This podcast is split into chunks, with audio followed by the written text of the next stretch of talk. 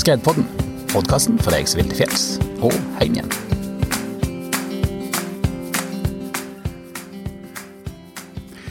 Velkommen tilbake til Skredpodden. I dag så skulle vi jo egentlig snakke om eh, skifilm og hva påvirkning skifilm har på oss som ser det. Eh, Jeg har med meg eh, både Nikolai Schirmer og Henning Reinton.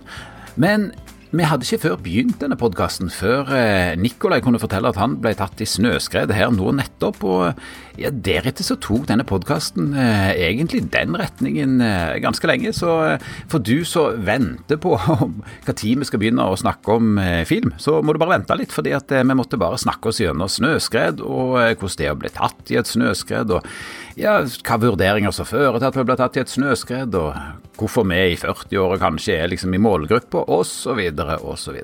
Men vi kommer til skifilm og hva påvirkning det har etter hvert.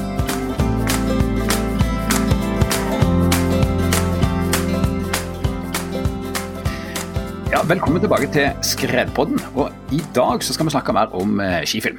Men eh, ikke om hvordan vi lager skifilm, eller hva risiko vi tar når vi lager skifilm. Men eh, kanskje mer om hva påvirkning en eh, skifilm har på oss som ser det, og, og hva de som eh, driver og pusher skifilmer ut i markedet tenker om akkurat det. Og så er jeg heldig nok igjen, fordi at eh, jeg har med meg eh, både deg, Nikolai Schirmer. Vi har jo hatt en eh, lang prat her tidligere, men i dag har jeg også fått med meg deg, Henning Reinton. Og du er redaktør i Friflyt. Men før vi liksom skal snakke om skifilm, så bare Hvem er du? Ja, først vil, jeg bare, vil jeg bare si tusen takk for at du ble invitert. Det var hyggelig. Hvem jeg er? Ja, jeg heter Henning Reinton og jeg er redaktør i Friflyt på fjerde-femte året. Jobba her i sju år. Før det så har jeg jobba med ja, i aviser og med miljøvern i ulike jobber. Så jeg kom egentlig til Friflyt i ganske voksen alder. Så jeg hadde et annet Mange som jobber i Friflyt har jo starta arbeidslivet sitt her. Mens jeg har gjort motsatt ting. Da. Gjort andre ting først, og så havna i Friflyt. Ja, så du er en voksen i, voksen i klubben? Ja, vi er en del voksne. Nå har jo Friflyt eksistert i 2022 år, da, så det er noen vi har, jeg tenker sånn, Det er sånn adelskalender her, da. så jeg prøver å rykke oppover, men det er en, del, det er en god del folk foran meg i den adelskalenderen, som jeg har vært her i, i år. Så, det er det jo en, eh, tydeligvis en trivelig arbeidsplass, da, hvis, hvis, folk ikke gidder å slutte? Ja, det tilbyr jo Det er ikke så mange jobber i Norge. Nå har det heldigvis blitt det, men det er jo Eller hvor mange jobber i Norge kan du jobbe i fjellet, eller del av arbeidshverdagene er ute på ski? Det er et begrensa antall jobber. Uh, for meg som er utdanna litteraturviter, så er det ikke det er ikke, det er ikke veldig mange arbeidsbeskrivelser med hei, jeg er litteraturvitere som også skal være noen uker på ski om vinteren. Det er ja, en av få jobber som kan være aktuelle da. Drømmejobb, med andre ord? Ja, for meg var det en drømmejobb. Den eksisterte jo ikke når jeg var ung, så jeg visste ikke at den jobben her fantes uh, når jeg var ung. Så det er jo gøy at den jobben liksom har blitt til mens jeg har holdt på med andre ting. Så ja. Og sånn, sånn når, du ikke sitter, når du ikke sitter på kontoret, er det stakitt og stasjonsvogn og Ja, jeg har ikke stasjons... Stolt medlem av bilkollektivet. Ja. ja er, sånn lever vi i Oslo, vet du. Uh, nei, men jeg har etablert meg familie i Oslo. Det er en stor kilde til glede. Uh, det men det gjør også at man må liksom tenke litt annerledes rundt uh, friluftsliv. Da. Både det som foregår i regi av Friflyt, altså min profesjonelle gjerning, og i privat friluftsliv. Mm. Uh, men det gir jo muligheter til å Det gir jo veldig muligheter. Men det er også sånn det jeg tenker det som er med familie, er jo at når du får familie, så får du lyst til å være med dem. Mm. Folk har ofte den samtalen som om det liksom er en begrens... Eller liksom om man ikke kommer seg unna, med poenget er at man har jo sjøl lyst til å tilbringe tiden i. Iallfall det, det er greia for meg. Så det, det, er egentlig det som legger størst beslag på min tid i forhold at jeg har lyst, jeg har lyst til å være med dem. Ja. Det er, enhver periode har sitt. Er, så nå sitter jeg og du her som sånn de to etablerte, og så Nikolai som eh, kan bare tenke på seg sjøl og bare fyke i fjellet. Nei, faktisk ikke. Så jeg liksom maksimerer siste del av 20-åra nå. Du er 29? 29 i sånn fem-seks uker til. Ja. ja. Men jeg kan si, jeg tenkte faktisk på det. Jeg kjøpte mine første par med feller i 1995. Det begynner å bli lenge siden. Eh, grunnen til at jeg tenkte på det, for at jeg tror ski min sånn hva topptur er for meg, er nok ganske prega av det. For jeg flytta til Da var jeg 19, tror jeg. Eller 20. 20 var jeg. Og så flytta jeg til Utah for å studere. Mm. Eh, og der jeg skulle studere ved Utah State University, så var det ikke noe bra skianlegg, men folk drev og gikk. Og Det hadde jeg hørt om og visste litt om. Uh, jeg kjørte Telemark på den tida der. Men da var det rett og slett å dra på sportsbutikken og kjøpe et par feller. da, og Bare bli med liksom, lokale amerikanere ut i skauen. Da var det touring, altså backcountry touring. Bare legge laps og kjøre skogskjøring i Utah. Ja. Uh, så det var på en måte min introduksjon til toppturen. Nå ble de studiene La meg bare si at det ble med ett år der borte. da, Jeg måtte gi meg på de studiene. Uh, men jeg har jævlig gode minner fra det. Men det, det, at jeg tror at det var min første eksponering mot den type gå opp for å kjøre ned, tror jeg har forma liksom litt mitt blikk på hva jeg ønsker meg av den type skikjøring. Ja. Så, så tok det egentlig ganske mange år før jeg klarte å På den tida, så når du er fra Hallingdal, så er f.eks. Hallingskarvet er jo mest kjent som fjellskifjell. Uh, så det var egentlig tok mange år før vi klarte å sette sammen og tenke at ja, det utstyret her kan vi faktisk ta med opp på Hallingskarvet og kjøre. liksom. Ja. Så det er interessant du sier det, for at eh, Nikolai sier at han begynte med liksom, eh, topptur når det var litt sånn eh, for de spesielt interesserte. Eh, og nå er det blitt veldig populærkultur. Sånn at det er, eh, Hvis vi liksom setter de to historiene her i sammen, så, det, så har det jo liksom Topptur har jo vært noe som vi knapt nok drev med i Norge, og så har vi så vidt begynt å drive med det i Norge, og nå er det blitt sånn populærkultur internasjonalt. Ja, Det er nesten vanskelig å forestille seg. Men i åra fra 95 til langt ut på 2000-tallet så møtte jeg jo ingen når jeg var ute og gikk. Og fordi folk, Hvis jeg snakka med andre gjerlinger, de hadde alpinbinding. De hadde, ingen hadde tech, liksom. Mm. Og folk på Gjerlo som er vokst med alpin, de hata jo Telemark. så da, De hadde alpinutstyr og kunne ikke komme seg utafor løypa. Det er vanskelig å forestille seg nå, men sånn var uh, virkeligheten en lang periode der. Ja, Jeg flytta til Tromsø i 2004, og da var det sånn at uh, jeg kjente jo alle jeg traff i fjellet. Det var liksom en, det var det virkelig en begivenhet hvis jeg traff noen som jeg ikke kjente, eller eh, i alle fall så kunne jeg liksom spore opp hvem var. Men nå, eh, nå er det jo Det kreler jo.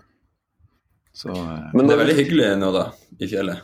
Jeg har ja. hatt Kattfjordeid forrige uke eller uke for der. Og så skulle du kjøre, kjøre noe ting til en film, og så møtte du jo masse folk. Men alle er like gira. Så det er litt sånn der eh, anleggsstemning i fjellet. ja, kult det, da. Du, Nikolai, nå er det jo noen uker siden eh, vi snakket sammen eh, til det som var de to foregående podkastene. Har det skjedd noe spennende siden sist i, i ditt liv? Eh, ja, nå har jo vi begynt uh, produksjonen på denne serien vi lager i vinter. Og vi snakka jo litt om snøskred og sånn. Og, og det som er interessant, det her skjedde ikke faktisk under eh, produksjon av serien. Jeg var jo ikke ute for å filme, jeg skulle bare teste eller gå en koselig tur med en kompis, og samtidig skulle jeg teste et kamera. Så liksom tilfeldigvis hadde jeg et kamera på hodet da når det her skjedde. Um, og da var vi på Skittentind, som jeg tror det var min første topptur noensinne, med faren min og en kompis og faren hans når jeg var sånn 12-13 år gammel. Og kjørte ned den ruta vi da kjørte.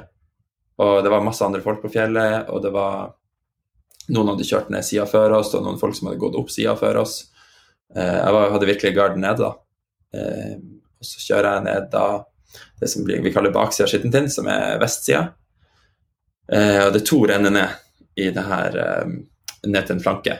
Og så kjører jeg ned en renna, og så er det ganske tynt fortsatt. Så da, når jeg kommer ut av renna, så treffer jeg en stein og mister en ski, men liksom blir stående. Og bare står liksom og ler, for det er veldig god snø, og jeg bare Shit, jeg mister skia. det var gøy med det skikkelig god snø. Jeg får gå og hente skia mi. Og plutselig bare kjenner jeg masse snø som kommer og treffer meg i ryggen. Eh, og umiddelbart så tenker jeg at det her bare er sløff fra renna jeg har kjørt. At det her ikke er, er noe mm. farlig. At å ja, shit, der kom sløffen min. Nå går det liksom, jeg må komme av beina igjen. Men så bare fortsetter det og fortsetter, fortsetter å komme masse masse snø, og jeg bare blir dratt nedover eh, fjellsida. Og skjønner jeg bare, oi, det her er jo faktisk snøskred. Så rart hvor det kom fra. Um, og og jeg har aldri faktisk vært i et snøskred før. Mm, altså hvor jeg har blitt dratt nedover fjellet uten kontroll. Og det var veldig sånn Det var jo veldig skummelt, for jeg vet jo godt hvordan det kan ende når man blir tatt av et snøskred. Og har jo eh, har den kunnskapen i meg. I tillegg så visste jeg at det var fortsatt ganske lite snø, så det var mye stein. Og jeg visste at i denne fjellsida var det i hvert fall mye stein og en del sånne små klipper og sånn. Så jeg var redd for hva jeg kunne treffe da, med kroppen ja. mens jeg ble dratt nedover. Så jeg prøvde liksom da, på en måte, Når jeg ble kasta over ende, så hadde jeg hodet først da, nedover. Så jeg prøvde å måtte svømme i massene da, for å få hodet For å få kroppen riktig vei, og beina først. Eh, og fikk det, men jeg ble liksom, ble liksom dratt ned fra et lite, liten klippe og var liksom vektløs i lufta. Og så eh, klarte jeg å Etter hvert så klarte jeg da liksom å, å få føttene og hendene liksom nede i faste, fastere snøen under. da og, og, klarte til slutt å stoppe da, før jeg kom helt til bunnen. Så jeg klarte da, jeg ble dratt sånn 200-300 meter, og så fortsatte skredet under meg. Um, og det var ikke et svært skred, det var liksom størrelse 1. Og det var et ja. snøskred. Uh, han, uh, vi kjørte jo én og én som vanlig, vi fulgte liksom de vanlige forholdsreglene da. Um, så jeg hadde en kompis som sto på toppen som kunne grave meg ut hvis, hvis det hadde gått galt. Men um, uh, det var fortsatt veldig ekkelt. Og veldig sånn det ekle med det var at jeg hadde på en måte garden nede. Jeg var ikke jeg var ikke forberedt på at det der skulle skje i det hele tatt. Det var liksom ikke i hodet mitt. Mens når vi er ute og skal gjøre noe som er krevende og vanskelig, og, og hvor man tar skikkelig skikkelig forbehold og sjekker snøen grundig, så er det mye mer Ser du bak deg, liksom, og kommer det snø, og passer mye mer på. Så det var en sånn der eh, tatt med buksa nede-opplevelse eh, av det. Men, eh, men like bra. Jeg mista Den ene forsvant, fant den ikke igjen. Og jeg fikk liksom noen blåmerker fra noen som steina, sånn jeg traff, men det gikk helt fint. Men det var veldig sånn uh, rart. En sånn øyeåpner, på en måte. Og, og jeg tenkte liksom etterpå Jeg snakka med han eh, Thomas Kleiven. Ja. Du kjenner kanskje han, eller du kjenner kanskje han begge to? Journalist. Han ble begravd i et skred på en tur jeg skulle på faktisk for fem år siden. Og hadde tilfeldigvis intervju med han eh, rett etterpå til en annen sak. Eh, men da kunne vi snakke mye om vår felles opplevelse av å bli tatt i skred. Jeg ble heldigvis ikke begravd da, men det var litt sånn Av alle skred jeg kunne blitt tatt i, så var det her kanskje det beste. Ja. Så det var ikke Sånn sett var det ikke så ille. Men det var ja, det var rart. Det var wake-up call, og det skjedde. Hva tror du dette gjør med deg, da? Nå er det liksom, Hvis dette er første gang du har tatt i snøskred. Da, vi snakka sist i forrige podkast vi mye om risiko og hva risikoen er villig til å utsette seg for. og Tror du at dette her er med å endre det på noe vis? Ja, jeg var redd for at jeg ikke skulle At jeg, at jeg ikke skulle klare å få det ut av hodet mitt neste gang jeg skulle sette utfor en bakke. Ja. At jeg ikke skulle klare å konsentrere meg om den kjøringa man skulle gjøre. og og det man ville få til. da, og jeg hadde her liksom, faren for skred i bakhodet konstant. Og det som er ironisk, er jo at det er jo egentlig rasjonelt. Det er jo riktig å ha faren for skred i bakhodet konstant. Hmm. Det er jo egentlig en god ting. Um, men, um, men, når du skal sette utfor, så må du ha gjort de vurderingene på forhånd og være trygg nok på at uh, skred, uh, skredproblematikken ikke er farlig for deg i den linja du skal kjøre, og sånn du kan fokusere 100 på den linja du skal kjøre, for den er jo ofte eh, ganske vanskelig. Så eh, hadde jeg litt sånn tanker rundt det, og liksom hvordan rettferdiggjør man at man skal utsette seg for den risikoen for familie og venner. Ja, hvordan gjør du det? Um, hvordan gjør jeg det, da? Ja, det ble noen samtaler etterpå. ja. Um, nei, hvordan gjør det? Altså, risikoen er jo konstant. Den er jo der. Altså ikke konstant, det varierer selvfølgelig opp og ned, men risikoen har jo alltid vært der. Og så langt har jeg vært heldig og gjort riktige avgjørelser. Nå materialiserte risikoen seg. Det endrer jo på en måte ingenting. Nei. Det er jo ikke noe nytt vi har oppdaga. Alle har jo visst det. Og noen som sa, noen nærmere som sa sånn eh, Det var egentlig deilig at det skjedde nå. Nå har jeg opplevd det. De har gått rundt og vært bekymra for det og så plutselig mm. skjer det, og så går det bra. Og så er det ok, takk, liksom det. Nå har man kjent på frykten, og så har det, har det gått fint. Tror du at du kan bli tøffere av det? At du har, at du har opplevd at det går bra? Er det, liksom, er det sånn at det tar litt av Tar litt av av det, eller? Nei, det vil jeg ikke si. Jeg hadde en tur, Vi gikk en tur på nordsida av Gukkegeise, som er en sånn uh, stor renne hvor toppartiet er noen hundre meter med veldig bratt. Uh, f.eks. 50 meter bratt, og det kommer snø inn fra den ene sida, så det blir en sånn type en bank da, som er mm. vindlast med snø, og når du skal kjøre ned, så må du over den. Og da kjente jeg skikkelig på det. Da var jeg sånn, hadde, da hadde vi gjort to uh, forskjellige snøprofiler, vi hadde vurdert snøen som trygg. Eh, og vi tenkte at det kom til å gå bra, men, men da kjente jeg Da var jeg skikkelig, skikkelig skikkelig redd. Jeg syntes det var veldig ekkelt. Men eh, det gikk jo bra. Ja. Og deilig Og, og hadde, hadde gått to, hadde liksom gått to seriøse turer, om man kan si det på den måten, etter det her. Og eh, det går fint. Men det er jo Ja, det det er ekkelt å kunne stryke med. Ja, det er det. Du Henning, har du, eh, har du blitt tatt i snøskred noen gang? Nei, det har jeg ikke. Um, det er vel uh, mye ja, du som er ekspert, hva tenker du er grunnen til at jeg, at jeg har vært mye ute og ikke jeg tror, det, jeg, tror, jeg tror, det, er tilfeldighetenes spill. litt, fordi at det, det her det er jo alltid en restrisiko. og Så handler det liksom om, eh, om at uansett hvor, hvor, flink du er og hvor uh, bra du så, så, så, er det alltid en liten rest. og det Er klart, er du ute lenge nok, så er det, det her er jo, det er litt som å tippe i Lotto. Sant? Selv om sjansen er liten, bare du tipper lenge nok, så vinner du. Ja. Eh, Nei, jeg tenker, Når jeg tenker tilbake, så har det vært en del situasjoner på ski som jeg ikke hadde lyst til å Der jeg tenker at det var Som jeg ikke har lyst til å gjøre igjen, da. Hvor det har gått bra, hadde ikke gått noe skred. Men um, om det da var flaks, eller liksom Det er vanskelig å vite hvor Det er jo det man veit ikke hva, hvor stor grad av flaks har man hatt, ikke sant. Nei. Det er veldig vanskelig å egentlig vite. Men nå i siste årene så har jeg hatt ganske lav risiko risikoprofil på egne turer. Um, så nå er det mer liksom styrt. Uh, nå har jeg liksom bestemt meg sjøl for å ta ned risikoen litt. Uh, det er, er, det sammenfallende med at du blir familiemann, eller? Nei, det kom voksne litt på meg etterpå.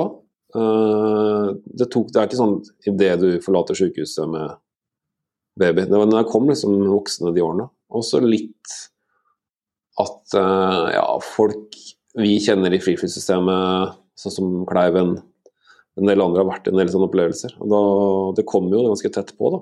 Og vi jobber en del med ulykker og rapporter. Og, så man eh, Ja, nei, men det, hovedsaken er vel at jeg modna, modna som person. Blitt litt uh, feigere. Er det, er det feigt å være moden? Eller er det Nei. Hvor er jeg tror kanskje bare, altså, jeg, jeg, kjenner meg jo veldig igjen. altså, eh, fordi at eh, Jeg lurer på bare på om det ett, at jeg har blitt eldre, og to, at jeg har blitt eh, familiefar. Eh, jeg tror begge deler bidrar. Også, men så er det òg litt eh, Vi kjenner jo litt på det at eh, sånn som du sier, Henning, at da får du egentlig mindre tid til å drive med risikoaktivitet. og når du har mindre tid til å drive med risikoaktivitet, så er du liksom litt ute av gamet. Så du er litt rusten da når du skal tilbake igjen. Og det kjenner jeg òg på, at liksom, om det om det hadde vært sånn storveggsklatring eller liksom fallskjermhopping eller basehopping eller ski. Liksom, altså, du er rusten. Du driver ikke med det der. liksom Har det ikke fingerspissene lenger. og Da blir det kanskje litt sånn som du eh, sier, Nikolai, at det er sånn, eh, litt med gard nede på et vis. Altså, jeg vet ikke. Det, det, eh, eller kanskje ikke det heller. Jeg tror jeg ville kanskje vært enda mer redd. Jeg er ikke, ikke sikker. Men det, det, er liksom noe med det at det er vanskelig å koble seg på på et vis. Litt ut av gamet. Ja, den ser jeg. Mm. Men noe med de her aktivitetene hvor du må uh, Hvis du ikke er på det nivået du har vært på, så er det kanskje ikke like, like gøy. Jeg kjenner på det med klatring og surfing hver vår. Du kommer ja. tilbake til noe, og så er det en sånn struggle å, uh, å få til det du har fått til. Ja. Jeg er litt rusten. Stat men statistikken tilsier jo at det er middelaldrende menn som går i skred. Da. Eller det er kanskje så lite tallmateriale at man ikke helt kan dømme ut fra det. er det ikke signifikant tallmateriale. Men det er jo ganske mange menn i vår alder da, som når man da skal ut de turene, store turene man får, og så satser man for mye eller vil for mye eller har ikke, har ikke rutinen på plass. Eller jeg vet ikke hvor det glepper, da. Men det er jo det er ikke ofte at man leser at liksom, to menn i 40-årene ja, mm. du vet. Men det, det, tror jeg også er liksom eh, med, med, Apropos mitt skred nå, at det gikk jo i terreng det er masse masse folk i hele tida. Og hadde noen gått en tur alene der altså, Og jeg har sett store skred gå der før. Det er veldig mange populære turer som er skredterreng. Jeg tror det er veldig mm. mange folk som ikke tenker over det fordi det er populære turer. Det er ikke så lenge siden at det var liksom en sånn gjengs oppfatning i Tromsø synes jeg, på, på akkurat det fjellet som, eh, som, du ble tatt i eh, nå, Nikolai. At Skittentind er liksom ut, den store utfarts, et av de to store utfartsfjellene i Tromsø. og eh, Lenge så var det liksom litt sånn opplest og vedtatt at der går det ikke snøskred. Eh, og Det syns jeg var litt sånn rart, for den eh, hovedflanken den er over 30 grader. Og, så det eh, var det i 2011 2012 vi hadde sånn et år med, masse svake lag og en skikkelig sånn ulykkesvinter. Da løsna hele hovedflanken, hele svineriet forsvant og forsvant ned i vannet nede i bunnen av dammen. Og da var det veldig mange som fikk mye å tenke på. For her går det ikke snøskred. Nei. Så det er litt sånn at, at vi la være å vurdere terreng, og heller liksom basere oss på vår egen sånn, eh, eh begrensa erfaring på et vis. Liksom. Altså, her har ikke jeg sett at det går snøskred, derfor kan det ikke gå snøskred her. Den, eh, eh, det høres litt ut som en sånn rettferdiggjøring, eh, yeah. på et vis. Det, den, den, type kunnskap finnes jo mange steder i landet at liksom Å nei, der går det skred, liksom. Der går det alltid skred. Og så andre steder altså Historisk sett, da, før man begynte å tenke mer analytisk og moderne på snøskred, så var det mer sånn og nei, der går det, alt, der går det skred hver vinter. Der går det ikke mm. skred hver vinter. Det var liksom litt den type kunnskapen som man hadde da.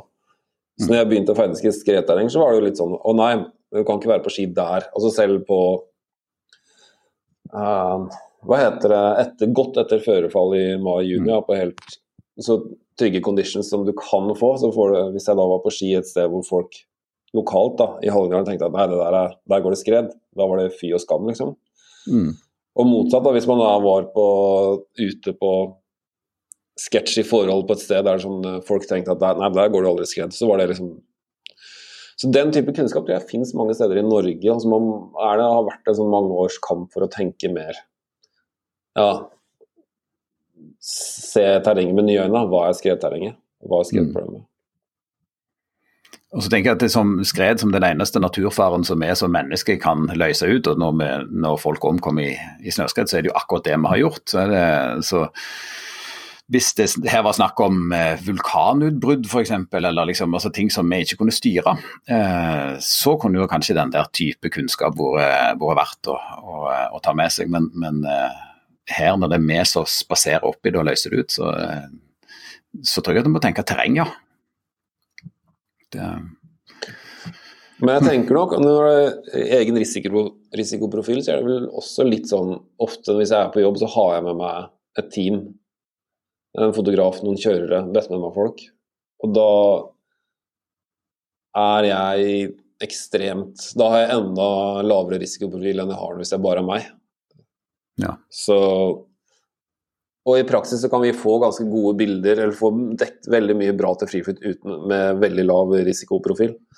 Ja. Og så er det også det at uh, med begrensa tid, da, når man bor i Oslo og har familie, så er jeg jo blitt mer glad i kjøring i god gammeldags skiheis enn jeg ja, Mine sånn, beste toppturår var jo de åra når man hadde mye erfaring og før jeg fikk familie. Da var jeg mye, mye på topptur. Mm. Men nå er jeg jo veldig glad i selve skikjøringa. Da er det jo dere er jo heldige som bor i Tromsø, men fordelen med, en fordel med å bo på Østlandet, hvis man skal si at det er noen fordeler med å bo her, er jo at det er god tilgang på skiheis. Mm. Så jeg har jo, men det er å kjøre skiheis er jo ikke noe Det finnes jo mye skredterreng nærme skiheiser òg, men det blir en andre type vurderinger ofte. Mm. Men mange av skredulykkene i, i Tromsø har jo, eh, har jo forbindelse med kjøring i, i skitrekket. Ja, dere har jo et av de ja, så hva skal jeg si, beryktede Det er litt sånn disproporsjonalt sånn ulike, Ja, det har skjedd ulykker i Kroken, Kvitfjell er representert, og Rauland. Det er, det er, litt sånn rare Rart hvilke skisentre som er representert på den stygge skredstatistikken. For det Ja, Hemsedal er vel representert. Det er en del sånne ja, men både i Kroken og Kvitfjell og Rauland så er det vel veldig spesifikke områder. da, Der hvor folk lett tilgang fra heis og ganske høy farlighet. Uten, men mm. Jeg tror ikke podden skal handle om det, men eh, nei, nei, det litt, det... i forhold til hvis du ser på antall brukerdøgn, så er det litt, spe, litt rart at liksom visse skisentre dukker opp mm. ganske hardt på den skredstatistikken. Mm. Men du Nikolai, det, tilbake til skifilm, for det var jo det vi skulle snakke om her før, med, før du kom dragende med et snøskred. Eh, altså eh, du driver og lager en sesong med skifilmer. Og eh, du sa at det, den turen som du, skulle, som du ble tatt i snøskred på, den var egentlig ikke en del av den filminga. Men eh, blir det det nå? Er det, no, det her noe som du kommer til å spre, eller? Eh, ja, det tenkte jeg. Um, det jeg syns det som er interessant, er jo karakterene sin reise gjennom vinteren. da, Og hvordan man oppsøker fjellet, og hvordan fjellet påvirker deg, og, og, og, ja, og de utfordringene man har der. da. Så det her er jo en veldig konkret utfordring jeg støtter på mm. som skikjører. Og hvordan takler jeg det, det er jo interessant både for meg og for seerne, tenker jeg. Så jeg tenkte å ta det med. Så det kommer i episode tre, da. Um, men skred er jo en gjennomgående en tematikk i, i serien. For det er jo det som er altså, det skumleste vi står overfor da, eh, på fjellet. Så det er jo sånn som nå sitter jeg og klipper episode to, og det er jo fra altså, nest stort sett fra start til slutt er det jo bare en samtale om er det her trygt. Eh, ja. ja, nei, hvorfor? Og så ja.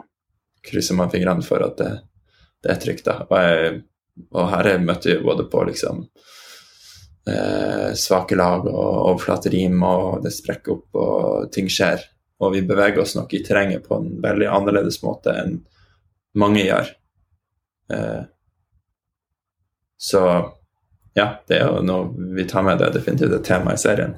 Og for meg handler det om at det er jo Det hadde vært uærlig å late som ikke Eller som om vi bare tok gode avgjørelser på en måte. Men òg bare at det er jo veldig spennende, da. Hold snøen. Ja. Hva skjer her nå? da er det noen. ja, nei, sånn sett er jo dette svært interessant. Jeg er glad du kom tilbake igjen her nå. Det, det kjenner jeg på. Men eh, altså, vi vet, for psykologien så vet vi det at eh, det å se eh, altså filmer med Enten om det er med vold, eller om det er med folk som kjører fort i bil, eller om det liksom Det, det påvirker oss. Uh, sånn at de som ser, de som ser mye liksom, uh, racerbilfilmer, de kjører fortere bil. Der, og det er, det er liksom noen studier som sier at så viser det at liksom det å vise sånn risikotaking i type sånn friluftslivssetting, sånn som det vi snakker om, òg har en, en, sånn påvirkning. Eh, Eh, hva tenker du om det, Nikolai? Altså, eh, du, liksom, den påvirkningen du har på andre. Du har 40 000 følgere på, eh, på, YouTube, så jeg. Ja. Eh, nei, hva tenker jeg om det? Altså, det er to sider av det. Det ene er jo det her generelle friluftspåvirkninga, som jeg syns er veldig positiv. Altså får, tidligere i min karriere har jeg ikke fått meldinger fra folk som ikke kjørte ski før, og som nå har begynt. Mens nå begynner jeg liksom å få meldinger fra folk som er sånn Wow, du har vist meg en verden jeg ikke visste eksisterte. Nå vil jeg gå inn i fjellet, og nå vil jeg oppleve skikjøring. Og det er veldig gøy. Og det er jo veldig positivt, for det er noe som har gitt meg utrolig mye glede i livet. Um, så det er jo den kanskje positive siden av det. Uh, det negative sida er jo det her at vi da uh, gjør jo masse risikable greier. Og selvfølgelig blir unge, ivrige skikjørere inspirert av det. Det er jo kommer man seg ikke unna. Men eh, eh, Men ja. Det, jeg sier jo hele tida at hvis noen spør, sier jeg ta et skredkurs før du går ut i fjellet. Og når vi er på fjellet, snakker vi om vurderingen vi gjør. Og jeg, jeg har bare en sånn tanke at liksom på samme måte som uh, det er åpenbart at du ikke skal prøve en, uh, altså en uh, quad cork første gang du kjører i parken på et liksom, svært hopp, så burde det være åpenbart at, at man ikke skal opp i det største, farligste, mest komplekse skredterrenget med komplekse skredproblemer mm. med en gang. Og at man på en måte må stole man må, man må gi publikum litt uh, uh, Hva kan man si Man må ansvarliggjøre dem til en viss grad. Samtidig er det jo en sånn norsk altså Forbrukerlovstradisjon er jo helt motsatt. Der antar man jo at publikum er idioter. Eh, og det er jo kanskje av en grunn folk gjør dumme ting. Jeg vet ikke. Eller at hvis du har et stort nok nedslagsfelt, vil det finnes idioter der. Eh, så da må man lage idiotsikre ting. Men I don't know. Det er liksom Jeg gjør jo det jeg gjør, og jeg vil jo ikke skjule det. Eh, men sånn som i episode to nå, da, så tusler vi oppover enda, da, så har jeg en samtale med han eh, Finn jeg er på tur med, om at eh, det er så merkelig at jeg ikke Altså før jeg begynte å, å, å gå på sånne her type turer, Så dro vi til skianlegget og kjørte rundt på is på denne tida av året, mens det her var, var der ute hele tida. Og så sier han Finn ja, men du hadde jo sikkert drept deg sjøl hvis du dro ut da. Og så sier jeg ja, det er sikkert. Og så fortsetter vi. Så ja. Vi, sky, vi, sky, vi legger jo aldri skjul på at det er veldig farlig. Nei, men det, og det er bra. Du Henning, eh, Fri Flyt er jo liksom kanskje det, største, eller det åpenbart største mediehuset i eh, Norge som eh, pusher skifilm og skibilder. Hva tenker, tenker, du som redaktør om den, eh, liksom, den påvirkninga dere har? Ja, det er et komplekst spørsmål.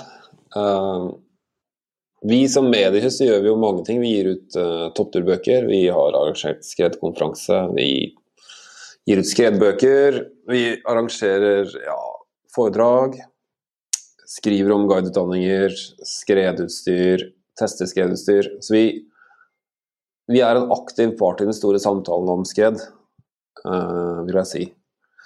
Vi har også gitt ut den boka som er var det, 111 skred, nei, toppturer utenfor skredterreng. Som er en veldig fin sånn starterbok, og det er veldig mye fin, fine turer der.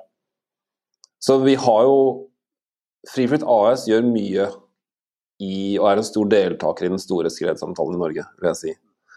Det er ikke bare deltaker, men også sånn Ja, andre kan komme til orde her med det de har å mene. Um, så jeg tenker historisk sett så har Friflyt bidratt mye til den bevisstheten som finnes rundt skred i Norge. Samtidig så er jo vi også leverandør av og utsender av bilder og film. Så vi har jo et visst ansvar der òg. Men samtidig er det sånn, vi driver jo opprinnelig med journalistikk, som er å på en måte formidle ting som skjer i virkeligheten. Og i virkeligheten så er jo mye av den interessante skikjøringa i Norge er jo over 30 grader bratt. Så vi er jo ikke et propagandainstitutt. Vi er jo, driver med journalistikk. Mm. Så vi må jo dekke den virkeligheten som, som er også. Hva rolle tenker du Fri Flyt har hatt liksom, i det å gjøre topptur til populærkultur? Jeg tror Ja, det var Jeg syns det er veldig vanskelig å vurdere egen viktighet. Jeg tror Fordi den samme trenden finnes jo også i land som ikke har friflytt. Og Nikolai er jo sitt eget uh, mediehus nå, som er veldig store på uh, en del flater.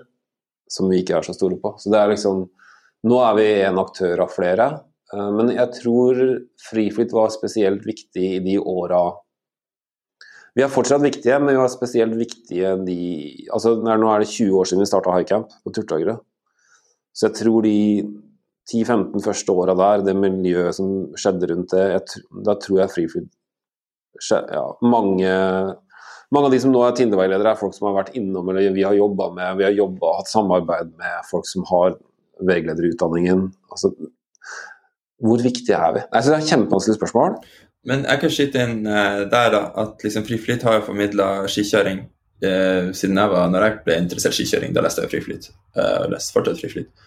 Og um, den skikjøringa som ble formidla, liksom den ypperste hva man si, mest ikoniske skikjøringa, var jo alltid storfjellskjøring. Eller triksing i Storfjellet. Det var liksom, det var den hellige gralen, da. Og, og det, på det høyeste nivået skjedde jo det alltid i skredterreng.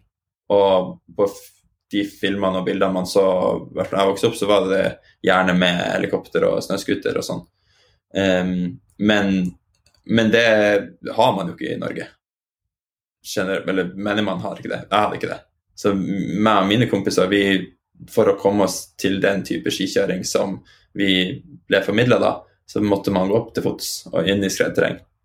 Og altså, i starten var det jo helt med hjem, liksom. Altså, masse folk uten skredsøkere og skredutstyr og um, begrensa kunnskap. Men, uh, men ja, det er jo det er vel bare en, ja, en del av ski, skikulturens sjel, da. Som jo har blitt forvandla gjennom friflyt og andre. Nei, altså antall ganger jeg har skrevet liksom Ta til med spak Hva heter det? Sender, mottaker, stang og spade i, i et Word-dokument er liksom utallige. Så, føler, så det føles litt som vi beskriver det på hver eneste side i Friflyt, men samtidig kan du ikke skrive det på hver eneste side. liksom. Eller ta egne skredvurderinger, eller altså, følge med på varsom. Alle disse tingene man må gjøre. Men så noe jeg tror av og til blir folk sure for at vi ikke skriver det på hver eneste side. Men nå, nå sitter jeg og har deadline på en utgave på 132 sider. Det er liksom, jeg tror Jeg mener bestemt at vi har vært med på å formidle det mye rundt skred i mange år. Uh, men jeg merker jo at det av og til finnes det stemmer som mener at vi burde liksom vært enda tydeligere flere ganger. da. Mm. Hva syns du, du, den store skredsamtalen har da, si, altså, i de årene du har vært en del av den i, i fri flyt? Oi, uh, det var et godt spørsmål. Um, nei, det har jo vært uh, Det er jo først og fremst mange flere folk som har mye mer kunnskap, da. Mm. Uh, det er flere Og så finnes jo vanvittig mye mer informasjon gjennom snøskredvarsling.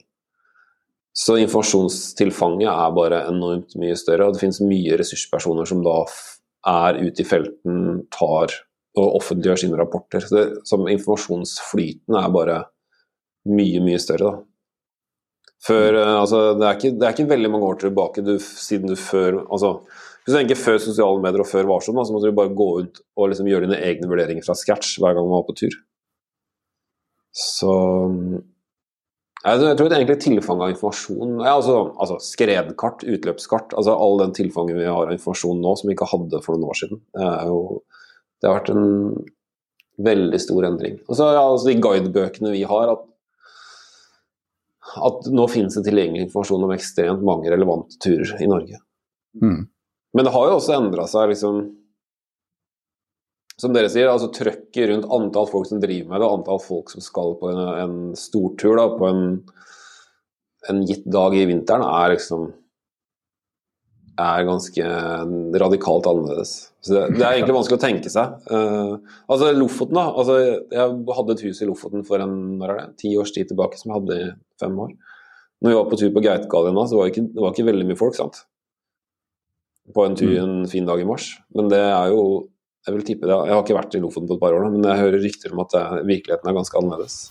Det er mye mennesker, da.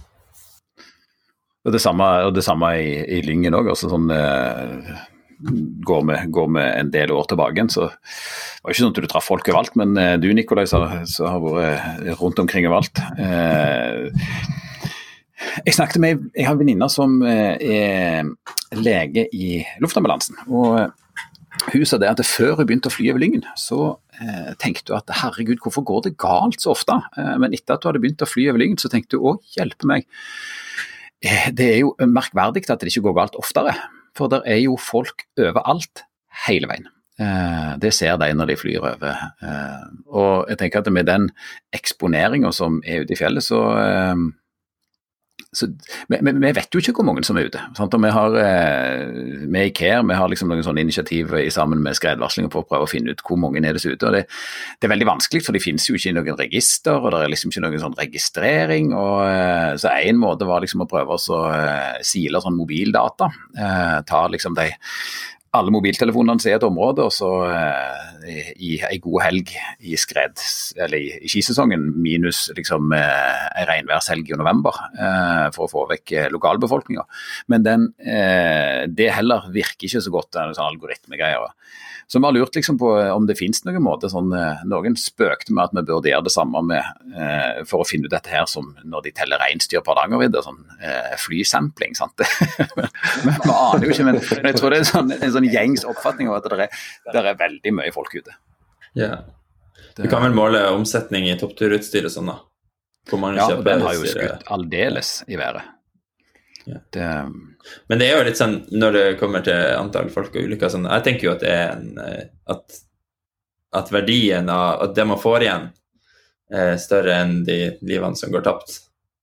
Mm. Altså Og når, når, det kommer til sånn der skredsøkestang, advarsler osv., og så, så har man jo det på mange livsområder. Så det er jo kanskje så Det er jo sikkerhetsadvarsler i biler og fly og Mm. Men det er vanskelig spørsmål. Det, der, sant? Er det, liksom, eh, for det, det spørsmålet du drar opp nå, liksom, det handler jo egentlig mye om hvor, hvor mye et liv er verdt. Sant? Altså at Det som du får igjen er mer verdt enn en de potensielt omkomne. og da, da, da, eh, det, her, det er en diskusjon som vi, vi burde hatt en egen podkast på, tror jeg. Men, men, eh, for det handler liksom om Er det sånn at vi har en nullvisjon eh, om at det, det skal ikke skje eneste skredulykke? Og hvis det skulle ligge til grunn, med den restrisikoen, så, så, burde vi kanskje tenkt litt sånn radikalt annerledes. Så, så, det der er en sånn et, eh, egentlig litt sånn filosofisk, eh, etisk spørsmål. Ja. Jeg tror nullvisjonen ikke er realistisk, og ikke, ikke, ønskelig heller, kanskje. Altså, liksom, jeg tror de Eller jeg tror jeg mener at med de grepene du måtte ta for å oppnå nullvisjonen på veldig mange områder, så ville du, fått, ville du skapt mer skade enn du ville fått glede ut av det. Mm. Og at livet er mer enn å puste og ha et hjerte som dunker. Mm. Så jeg tror du ville gjort kanskje Altså Hvis du kunne målt summen av livsglede du slukka med tiltakene som måtte til, hadde du kanskje drept flere enn som nå dør i fjellet. Selv om man selvfølgelig skal eh, ta hensyn til de som dør i fjellet i dag òg. Ja, for Dette er en vanskelig diskusjon å ha med en gang du står med konkrete ulykker. Så, det, så, så blir dette veldig, veldig vanskelig. Men, men eh, jeg bare tenker tilbake til deg, Henning. for det, Nå har det jo skjedd mye de siste, eh, bare de siste ti åra. Det har dukket opp flere og flere sånne som Nikolai, som eh, kommer og utfordrer hegemoniet eh, til det store mediehuset. Nei, det er kjempebra. Jeg har hatt godt samarbeid med Nico i, i mange år. Så ja da. Men om vi skal dra, vi skal dra parallellen til dette, til, eh, til liksom det eh, vanlig nyhetsformidling da, i samfunnet, så, så, har tradisjonelt sett vært redaktørstyrt, der du har en kontroll på liksom både det som er den offentlige samtalen og det som kommer ut.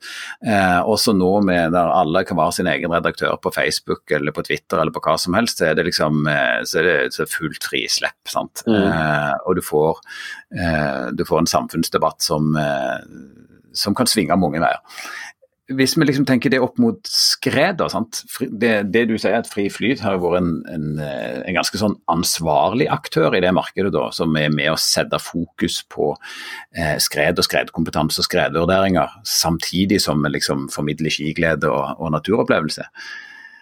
Nå når det kommer inn mange andre aktører, er, liksom, eh, er, er det eh, Gjør det oss bedre eller dårligere som samfunn, tror du?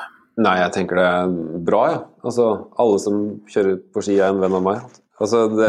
Og alle som vil bidra eller gjøre noe innhold, syns jeg er bra. Og jeg tenker Hvis man er mye ute, uh, så vil man etter hvert ønske litt mer kompetanse på skred. Eller man, det blir en naturlig samtale å ha da, om snø og snøforhold og det å være ute. Formidle egne erfaringer og diskutere ting. Så jeg tenker jo flere som er med i den samtalen, så er det bare bra. Og hvis vi fortsatt kan være en arena der det er aktuelt å ta en samtale, hvor man kan hente informasjon eller få input, så tenker jeg det at vi har en rolle å spille. Den rollen forandrer seg jo. Medielandskapet er jo kjempe i endring. Uh, men jeg tror fortsatt vi har en rolle å spille i det. Uh, men jeg tenker at det er kjempe... Ja. Mm. Så tror jeg også, Apropos det vi snakka om i stad, liksom, vise liksom, filmer med drøy kjøring og sånn. Jeg tror liksom du kan se på tøff kjøring fra Gilde Medi, sånn som Shimi la ut for er det to år siden? Ett år siden? Så fikk så enormt mye trafikk. Og folk kan tenke shit, ah, det er så jævlig fett ut. Men jeg tror hvis du er førstereist til Chamonix og står der nede i, og skal ta gilen opp, eller du er på den modulen, så tror jeg du liksom Ok, det får bli Valle Blanche først. Altså sånn jeg tror folk får en virkelighetsjustering. Selv om du blir inspirert, så tror jeg de har en liten virkelighetsjustering første gang du liksom Eller hvis du skal opp i arenaen, du står ved foten av arenaen og begynner å, å Ok, allerede der kan du være i utløpsterreng eller skredterreng, så du kan være farlig der. Men du, du, hvis det er lang innmarsj og du begynner å se renna reise seg mot deg, liksom, så jeg tror folk får en sånn virkelighetsreise ganske fort, da, hvis de begynner å bevege seg ut i terrenget. Mm. Ja, og jeg syns det var interessant. Jeg var på tur med han Benjamin Fortun i Østerrike for to år siden. Og han er jo en vagals, liksom, og gjør de sinnssyke hoppene og tenkte han var fryktløs. Men selv han, liksom, når han kom da i bunnen av en stor renne og har aldri gjort det før, var han liksom Nei, shit, det her er litt ekkelt. Det her er skummelt. Det her er et svært fjell. Jeg tror også det der er litt naturlig. Jeg tror folk føler på det. Og jeg tror ref det at jeg tror at kanskje grunnen til, som Henning sier, at, eller hvem som sa det, at eh, de fleste som døde, er liksom middelaldrende helgeturister. For det er kanskje ikke det farligste terrenget, eller bratteste terrenget som drepte, da. Det er det terrenget som ser litt snilt ut, men så er det 30 grader og konvekst med terrengfelle i bunnen. Og så plutselig går det galt. og kanskje er du sånn så, sånn som du beskrev her i starten av podkasten, at du er litt med garden nede. Du har uh, fokus en annen plass. Jeg tenker at det Så lenge du er obs på risikoen, så kan du gjøre noe med det. Uh, det jeg, jeg tenker, Apropos, hvis jeg hopper litt tilbake til min egen skred, eller lav risikoprofil, har også litt, det har litt med den jeg er jo en del ute på vinteren, men da er det ofte sånn at vi på en måte drar på kortvarsel fra Oslo hvis vi ser at det er sol og bra forhold og sånn. Og da er jeg selv om informasjonsflyten er veldig god nå, så hvis jeg ikke sjøl har vært på ski i et område og kommer inn kvelden før, så er jeg alltid litt skeptisk til å gå på noe prosjekt dagen etterpå. Jeg bare liker, liksom Den gammeldagse tenkinga om å liksom være i området, se snøen forandre seg, få respons fra snøen og da, liksom vite litt Dere som bor i Tromsø ligger jo godt an der, for dere har veldig mye bra skikjøring innenfor kort, kort kjøredistanse. Men ja, Der kjenner jeg ikke de lokale værsystemene, men tipper dere har litt ulike klimasoner eller ulike mm. snøsoner oppe hos dere også. Men den, litt den, litt den der følelsen med å ha være i et område og. Og jeg husker jeg veldig godt, det gjorde veldig inntrykk på meg. Jeg tror også det som har forandret profilen, er ikke så mye Ja, litt det som har skjedd med folk vi kjenner i miljøet, men også jeg intervjua noen skikjørere som har vært med på en del ting. Uh, jeg intervjua en svensk brattkjører som han, Hans analyse var at når det går gærent for de store brattkjørerne er når de reiser vekk og går, altså drar en lands Ikke når de er i Chamonix og kjører 150 dager i året, men når de reiser til Patagonia eller når de reiser til Himalaya. Du det går inn Det er det i Patagonia. Ja, nei, det var ikke han jeg intervjua om det, men han, han eh, Åh, nå glemmer jeg navnet. Hva heter han svensken som kjørte for Salomon? Andreas Fransen eller han Jens eh, Nei, Jesper. Jesper, ja. ja. Han, endte jo han omkom ikke, da, men ble jo alvorlig kvesta i et, uh, i et skred i Alaska rett etter det. Han, det var han som sto bak den teorien her. da, at Hvis du ser systematisk på når går det gærent for de store folka, når de måte, flyr over hele verden og går rett inn i en ukjent altså en ukjent terreng og snø, ikke har erfaring de siste ukene med hvordan snøen har lagt seg, hvordan vinden har blåst. Litt den der lokale følelsen. da. Så å være den den der helgeturisten som liksom drar til Romsdalen på værvarsel og skal ha inn visse turer liksom fredag, lørdag, søndag, det tenker jeg er en utfordrende sits. da. Mm. Så jeg prøver, jeg prøver, å vokte meg for å være, være den personen. Ja. det, det, er ikke, det, er lett, det, er lett, når du sitter hjemme, når du har reist til Romsdalen. Da, så det, ja, da er du gira på å gå den turen du har på bucketlista, liksom. Så, ja, nei, den bucketlist-tankegangen er jo også litt sånn Er det bra man må jo ha en sånn bucketlist, eller man må jo ville noe for å komme seg ut på tur. Det er kaldt, det er langt å gå, det, man blir sliten, ikke sant. Uh, mm. Men samtidig kan man ikke la den bucketlisten styre altfor mye. Så der, det, det, tenker jeg ofte på, for jeg har jo en sånn Jeg har en lang sånn hitliste med steder jeg har lyst til å gjøre reportasje fra. Og så sitter jeg og venter på forhold eller snø, at ting skal klaffe. Men samtidig kan man jo ikke Man må være litt varsom. Man må ha en indre driv, men man kan ikke la den indre driven overstyre andre faktorer. Da. Nei, og det er det, det, er det jeg synes er så Det er jo kanskje noe av det som er skredterrengsinteressant. At alle de der andre faktorene eller det ytre er ikke Det er ikke alltid at det er så, så helt opp i dagen. Det, det kan hende at du, du, kan liksom gjennomføre uten at du lar deg påvirke det på et vis, eller uten at du trenger å legge merke til det eller tenke på det. hvis det er det i alle fall hvis det er sånn at det ikke er så bratt at du kjenner at du blir redd, eller uh, og, Så det er liksom denne manglende bevisstheten som er Jeg tenker at det at vi har en sånn en, skred, en stor skreddialog som Fri Flyt, og som du Nikolai bidrar til, det jeg, jeg er enig i, det tror jeg er veldig klokt. Å bare flytte det så langt fram i pannebrasken som jeg kan. Det, um, det, det, tenker jeg er litt farlig med at jeg sier nå gjentatte ganger det er lav risikoprofil, er ikke så mye altså har få dager ute i sånn type terreng, eller velger det vekk hvis jeg kan få de samme bildene i et, på tryggere vis. Men uh, det er jo nettopp da når man slipper det Når man er mindre ute Man tror man tar en mindre risikoprofil, men jeg er fortsatt ute i terreng over 30 grader.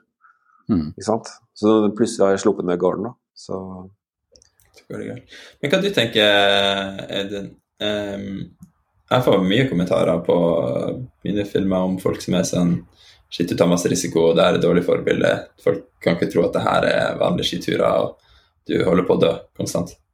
Um, som psykolog og far, ville du skjerma dine barn og venner fra den type innhold som kommer fra meg og, Henning, når det er snakk om altså, tror, du det, tror du det har en Positiv effekt eller negativ effekt, eller hva tror du effekten er? liksom? Jeg tror, jeg tror, at, jeg tror at, effekten er eh, Det spørs litt. Fordi at Én, eh, så tror jeg at eh, både du og, og Henning som redaktør er litt sånn premissleverandører for hva som er kult. Eh, og jeg kan være med og flytte lister og sånt. Eh, og jeg har en for å ta et litt sånn annet bilde, da. Jeg har en, en kompis som, er, som, selger biler. Uh, han har jo ikke et eneste studiepoeng i psykologi, men han er kanskje en av de som jeg vet om som kan mest om psykologi. Og Han sier at det, er interessant å se han har det som et nabolag, der når første, når første fyren uh, skifter bil, så vet han ikke hvordan det kommer til å gå, for han må se hva som skjer med naboen. Hvis naboen kommer inn og kjøper den samme bilen, da kan han bestille fem-seks til, for da vet han at hele gata kommer til å bytte bil. Hvis naboen kommer inn og bestiller, bestiller en større bil, da kan han eh, bestille fem-seks til pluss en til han som allerede har kjøpt bil, for han kommer til å komme inn og bytte. Sant? Fordi at det, det, liksom, du ser, sant? det er liksom noe du, du, sammenligner med andre, og så spørs det hvor kult er det som jeg det som jeg har, versus det som andre, eh, det som andre har eller gjør. Sant? Og Der tenker jeg at, eh, at en del av denne her Eh, det som går på eh, det å vise steinkul skikjøring eh, på film, det er liksom med å flytte lista litt opp. Altså det, det, etter at jeg ser filmene dine, Nikolai, så blir liksom det der den der kråkete kjøringa mi, den, den, er ikke så kul lenger. Det, så, så liksom, sånn sett så, det, så, så, kan det være med at det, liksom, det flytter lista litt. og så er, er det, kanskje òg noe med det å normalisere noe som er Altså eh, Du normaliserer det ekstreme, kanskje. Altså det liksom, det, så, så, det kan ha den effekten. Men så tenker jeg at det, det er på én side. Så tenker jeg at eh, skredterreng er jo litt spesielt fordi at du kan være i skredterreng uten at du tenker på at du utsetter deg for risiko. Eh, og det at eh, vi snakker om snøskred, Eh, det kan være med på å liksom heve den, der, eh, den risikoforståelsen og den, den risikotenkinga som jeg tror er en sånn forutsetning for å kunne ta gode beslutninger. Sånn at eh, Derfor, sånn som du sier at det er det som er et gjennomgående tema, det handler om snøskred og det handler om risiko. og Det handler liksom om den risikoen vi utsetter seg for, akkurat som den der sesong, den episoden som du sitter og klipper nå, liksom, som har denne dialogen. Eh, da tror jeg at det det ligger på andre siden og er et veldig positivt bidrag. Sånn at, eh, så, så det at den er et jeg tenker at et godt forbilde eh, kan vise både det som både det kule, men òg eh, liksom hva vurderinger som ligger bak. Og eh, med å gjøre det, ja, så vil jeg jo absolutt ikke liksom eh, eh forskånt ungene mine for det. Jeg ville liksom heller sagt det. Se her. Sinnssykt stilig. Dette er veldig, veldig dyktige folk. Så Nikolai kjempedyktige. Ler av han.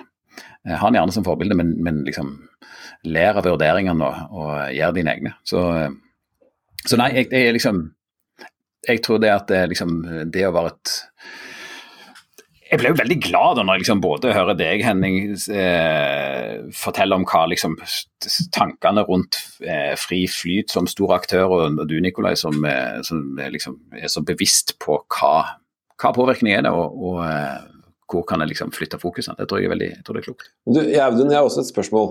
Jeg er nysgjerrig. Ja. Ja. Uh, som ignorant ikke-forsker, så er vi sikre på den forskninga du sier, der folk blir inspirert av liksom, bilkjøring på film til å kjøre fortere bil. Det er sånn De ser Fast and Furious 5 på kino, og så kan man måle at de kjører 20 km fortere ut fra kinoen. Sant? Det er den, det er den type forskning? Det, er, akkurat dette her er jo en, et svært forskningsfelt. og Før denne podkasten måtte jeg sette meg ned og så måtte jeg lese litt. For det at uh, si det, det ante meg jo at jeg har med to sånne, sånne som er vant med å tenke journalister, så plutselig så er det liksom jeg som sitter i denne sånn eh, det er liksom, det, det, jeg, jeg, greier at jeg skal stille dere spørsmål. Det ante meg at dette her ble snudd på. så, så jeg forutså den her, da. Nei, men Eh, her er det gjort veldig, det er gjort veldig mye forskning på, på veldig mange vis, eh, med et helt utvalg av metoder. og det er Mye av den, er, den tidlige forskningen den handler om vold på film, og etter hvert vold i dataspill. og Så har det vært med bil, eh, og så har det vært med rus, og så har det vært med og målt både, eh, både, med at du har snakket med folk etterpå, de har svart på spørreskjema, og, men òg eh, i forhold til hva som har skjedd med folk etterpå, om noen havner i fengsel. Altså, sånn, det er liksom så, så, akkurat den der koblinga der, den er, eh, den er, relativt godt etablert. Eh, men, men så er det så store forskjeller da ifra si, område til område at det som vi ser har størst effekt, det er der du kan kjenne deg godt igjen. Sånn at eh, Hvis jeg er vant med å kjøre akkurat på liksom, om, om, det er bil, da, sånn at jeg er vant med liksom, å kjøre bil på sånne veier, eh, og så ser jeg akkurat dette her, og så, det, så hvis, hvis, jeg kjenner meg godt igjen i det som jeg ser på, så er sjansen for at jeg liksom kopierer det større. Eh, og det vil være akkurat sånn som i en skifilm. Jeg, liksom, jeg, jeg kjenner konteksten, det liksom eh, Og så sjansen for at jeg kopierer det større. Så det ville jo forundre meg om det ikke er, om det ikke er en kobling her. Skjønner. Det... Nei, jeg tenkte for Det finnes jo en del sånn forskning på folk som Fins ikke forskning altså, Jeg må spørre, for du kan jo dette, det kan ikke jeg, men det fins vel ganske mye forskning på altså voldelige skytespill. At man ikke nødvendigvis blir voldelig, selv om man spiller mm. veldig mye. Mm. Ja. Mm. Men uh, jeg tenker en ting som også har endra seg, det er bra at jeg er sånn historisk, hva har endret seg, men bare på de åra jeg jobba i Friflyt, en stor endring. Og da, det tenker jeg er som konkret inspirasjon fra sånne som Skirmer, da, er det at før så var jo Det er vanskelig å tenke seg, men topptur var jo en våraktivitet. Mm. Bare inntil for kort tid siden. Når jeg begynte i Freefrit, så var det sånn at nei, vi må ha litt, litt om topptur i mars- og aprilutgava. Og nå skriver vi om topptur året rundt. Og nå kjører Så det er en av at folk har strekt sesongene. At, at Skirmer nå er ute Nå plutselig blir det etternavn. Nico. Hei, Nico. At du er ute i oktober og november ikke sant? året rundt da, og kjører, det, det er en enorm endring. og Det tror jeg er til stor inspirasjon at man bare ser helt annerledes på sesongen. En ting er hvilket terreng er det, men når er man der? Og det andre er liksom hele hvordan kjører man når man er i terrenget. da. Det er ikke mange år tilbake siden folk skrapa seg ned sånne renner som du kjører fort i løse. Folk skrapa seg ned i april på ganske hardt føre da. Hvor det var liksom den, måten, det var den etablerte måten å være i fjellet på. er Å kjøre sånn skrap-skrap-svinger. Så der tenker jeg at dere Og den endringen tror jeg ok, Vi har også vært del av den endringen. Det tror jeg en del av det Chamonix-miljøet, også deg, altså en del sånne markante kjøre, da, har vært liksom veldig til inspirasjon da, for å se at ja, man kan oppsøke disse rennene midt i sesongen eller veldig tidlig på sesongen og kjøre, og kjøre sette på ganske mye fart. Mm. Og, Det har sikkert skjedd også med medielandskapet, hvordan det har endra seg. Fordi at Tidligere kom det jo bare ut filmer på høsten, og mye media på høsten. Og det media man så i magasinet gjennom vinteren, var gjerne laga forrige vinter. Men så får du det jo live, og da ser du jo Nei, det, jo, det går jo an å kjøre ski i oktober, og november og desember og til juni og september noen ganger. Um, for min del var det òg bare en sånn og det er jo, Jeg husker særlig i Canada, når jeg var der. Folk var sånn Nei, det blir filled in liksom i mars, vi kan chille litt. Men fjellene er jo der og er fulle av snø i desember, så hvorfor ikke bare kjøre da? Og kjøre hele sesongen? Så... Og, da, er vel kanskje det liksom det åpenbare svaret at det, eh, det, handler om snø og snøkvalitet, og eller snøstabilitet, kanskje. Altså at eh, du har én type snø i desember-januar, og så har du en annen type snø i mars-april. Eh, så ja. det er bare det å kjøre på samme, liksom i samme terreng gjør at du det er ikke bare at det er mer eksponering året rundt, men at det er eksponering i den delen av året som, eh, som fører til større risiko. Det kan være, men jeg har også begynt å tenke mindre på folk, snakker, folk som snakker i veldig generelle drag om sesong, og det er selvfølgelig noen trender gjennom sesongen på liksom hvor uh, varmt og kaldt det er, og hvordan snøen ser ut. Men jeg føler at de, de mikrovariasjonene er veldig mye viktigere da, for deg som skikjører. At det er ingen plasser det er bra hele januar. Det er ingen plasser som er bra hele mars, hele april. Du har noen dager i april, du har noen dager i januar, du har noen dager i desember som er bra og trygg. Eh, mange dager som er bare drit, og mange, noen dager som er farlig. Så det er liksom sånn Jeg begynte, jeg begynte å se mye mer på snø som man ser på bølger. da. At noen ganger er forholdene gode, det er et kort tidsrom, og da må du bruke dem. Eh, mens det er ikke sånn at vinter er ikke sånn Tidligere hadde jeg tanke om at vinteren kom, og så var den her. Men sånn er det jo på ingen måte mm. for en skikjører som vil kjøre i god snø. Det er jo, Da kommer det gode forhold, og så varer de gjerne veldig kort tid. Og så skjer det ting, og så kommer det nye forhold senere, da. Mm. Så en sånn ja, så en sånn, sånn tanke som han, uh, Henning beskrev, er også en sånn ting som har vært i skikultur tidligere, om at våren er til for ting. Men du kan jo ha kjempefarlig snø om våren òg. De største skred. Husker du den uh, 2011-vinteren eller 2012-vinteren i Tromsø liksom det enorme skred i mars, liksom. Mm. Så det er jo Og i april går det også skred, så det er jo Mm. Ja, I don't know. Jeg tror det, jeg tror det som er vanskelig med, med snø og formidling av det, hele pakka, er jo det her med at det er så sinnssykt dynamisk. da. Det forandrer seg hele tida. Mm. Og det er liksom, Hvis du skal lære noen å surfe, det vanskeligste er å få dem til å forstå hvor de skal ligge i havet, og hvordan havet alltid endrer seg. Jeg føler det er litt det samme på fjellet. da. Det, tar, det har tatt meg ufattelig mange år å bare få det banka inn i hodet at eh, hvor viktig aspekt det er. Altså at snøen er helt forskjellig på liksom to-tre graders forskjellig vinkling, nord til sør eller øst-vest, og, og alle de greiene her, da. Og de små endringene som oppstår eh, på veldig liksom, små geografiske områder. Det er liksom, ja, det er utrolig komplekst. Men når det er så komplekst, er det eh, Kan vi forvente at eh, de som som er sånne helgekrigere som, eh, som meg f.eks., har, har kompetanse eller liksom mulighet til å så gjøre sånne vurderinger? Eller er det sånn at jeg egentlig bare bør holde meg ute av skredring? Tenker du Henning? Er det liksom eh, sånn Ja. Jeg tenker det finnes en mellomposi mellomposisjon her, da.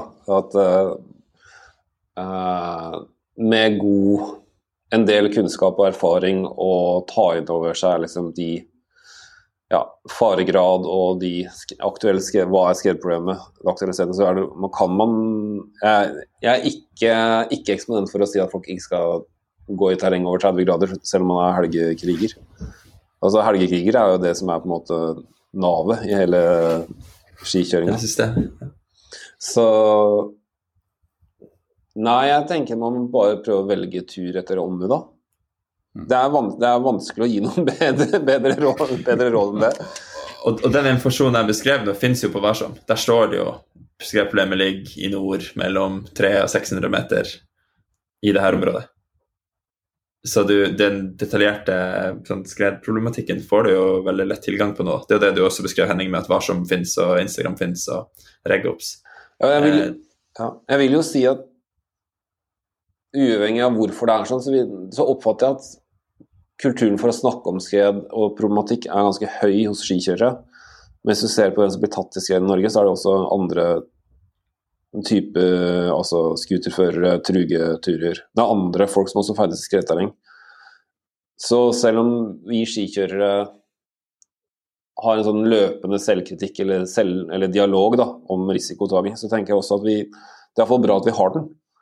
Mm. For jeg vet ikke om den er like til stede i andre grupper som beveger seg i det samme terrenget. Nei, vi hadde nettopp en podkast med, med folk som kjører snøscooter. Og, og, der er det på ingen måte liksom så uttalt. Fordi at det har ikke vært fokus så lenge. sånn at Det tenker jeg er en sånn en effekt av at det er to aktører som, som dere, som er med og driver liksom den store skredsamtalen. Eh, setter det på dagsorden og liksom eh, holder det varmt. Og, så, og tilrettelegger sånn at vi kan lære å bli bedre. Nei, for Det er jo interessante kulturforskjeller der. Vi jobber med en sak nå til neste blad som er hva, rett og slett hva har, hva har en alpinklatrer i sekken? Ja.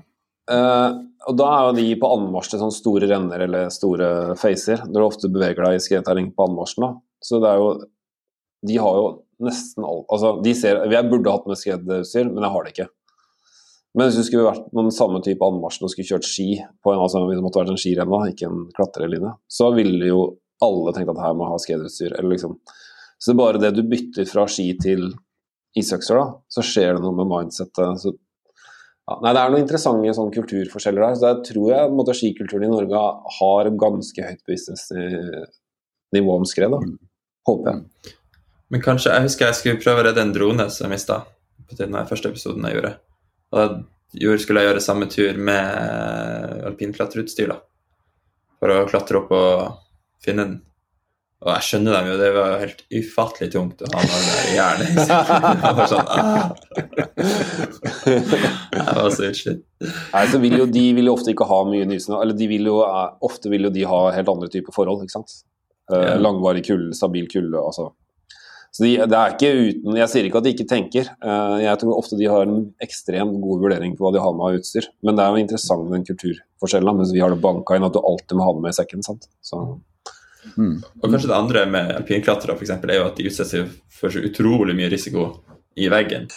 At liksom, at kanskje liksom risikoen for å dø ja, er liksom så mye høy at skredrisiko ikke er så høy. Og det er også sånn, der har du jo Det er også interessante faktorer. Liksom. Da har du eksponeringstid. Uh, ok, Risikoen for å dø i skred er X, men så har du risikoen for å dø fordi du beveger deg 5% saktere fordi at du har med spade og det utstyret er Y. Hva er liksom da rasjonelt å gjøre? Mm. Det er veldig det er så bra at vi fant en gruppe som er, de er enda verre enn oss. De tar mye mer risiko. det er viktig å sparke litt ned og få det unna. Liksom, ja. Dermed så kan vi holde på akkurat sånn som vi har gjort. Vi trenger ikke endre oss fordi det, det, er noen som er verre. Det, det, er bra. Du, Hvis vi skal avslutte med liksom en sånn eh, Det kommer jo stadig Nicolai har sagt at det står jo liksom hundrevis av skikjørere i kø for å få lov å være den nye, liksom, eh, den nye prinsen eller prinsessa på eh, eh, som skifilmprodusent. Hvis det er dere to som liksom, eh, noen av de som er premissleverandørene på et vis, skal gi et råd til de som skal lage og publisere skifilmer i framtida, hva vil det være? Jeg vil uh, jobbe med hva heter det på fagspråket? Jobbe med gruppa. Tenk på hvem har du med deg ut. Det er dritviktig når du skal ut på fjellet og jobbe. Liksom, stoler du på folka? Har du likt Er det folk du trives med, liksom? Og hvis det blir kaldt og du må ta vurderinger når du står og er iskald og har det kjipt, kan, kan, dere ha et godt klima for å ta de vurderingene. For det er én ting er å snakke om det på forhånd når du først er der ute, så er det digg å Hvis du da får lyst til å snu, eller tenker at nei, nå skal vi baile, så må du ha tillit til gruppa. Da. Så hvem du har med deg ut, er dritviktig, mm. tenker jeg. Jeg ville tenkt også at det er veldig viktig å lage rammer for prosjektet som gjør at det er greit å snu. Jeg har vært med på noen prosjekter hvor du liksom, ok, Hvis vi ikke drar opp nå, så skjer det ikke der. Da må vi kenne det. Og det er selvfølgelig ok, men det er ofte liksom, jobb og karriere og penger som står på spill. Og det er ikke noe kult å miste det heller, da. Så da tar man ofte mer risiko enn man kanskje skulle ønske. Så det å i planleggingsfasen legge til rette for at man skal ta gode avgjørelser når man kommer ut, tror jeg er veldig veldig viktig. Å ha bare romslig med tid, sånn at om en dag ikke er god, eller ei uke eller to eller tre uker ikke er bra, så kan man gjøre det en annen periode.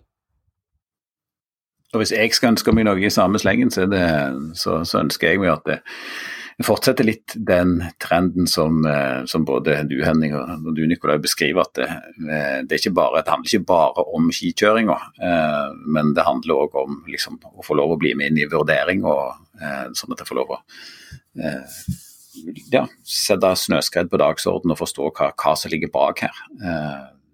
Hjertelig takk for at dere ble med, begge to. Dette var, dette var spennende. Så, eh, så, får jeg og du, eh, Henning, som helgekrigere eller som hverdagskrigere Jeg er jo en ukekriger, det er jo motsatt. du er en ukekriger, jeg er en helgekriger. Så det... Jeg er jo ukekriger, det er vel meg og Asbjørn Engle Næss som er liksom, uke, har, har termen ukekriger. Så det, ja. Blant annet, ja, husker dere Ok, men nei, nå er det, sånn, er det lov med sånn PS etter at du har sagt ha det? Det er alltid gøy. fordi du vet at ja, når du skal ja, skrive Hvordan får folk til å skrive, lese det du skriver i mailen? Skriv PS på siste punktet. Folk leser kun det, ikke sant? Ikke det som står. Jeg var på ski den eh, Husker du når Norge koronastengte og det var forbudt å dra på hytta? Mm. Da hadde jeg vært på jobb med Friflyt hele den uka.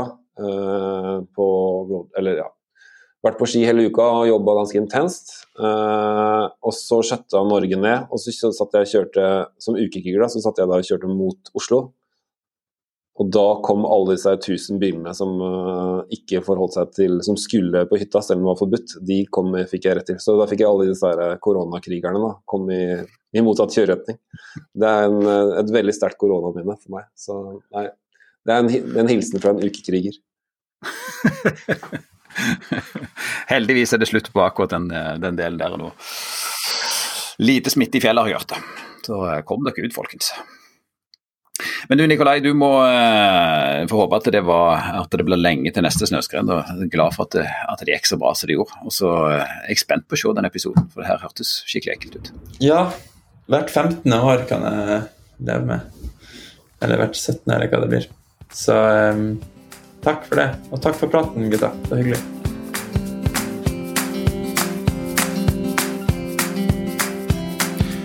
Du har nå hørt podkasten om skifilm og eh, påvirkning.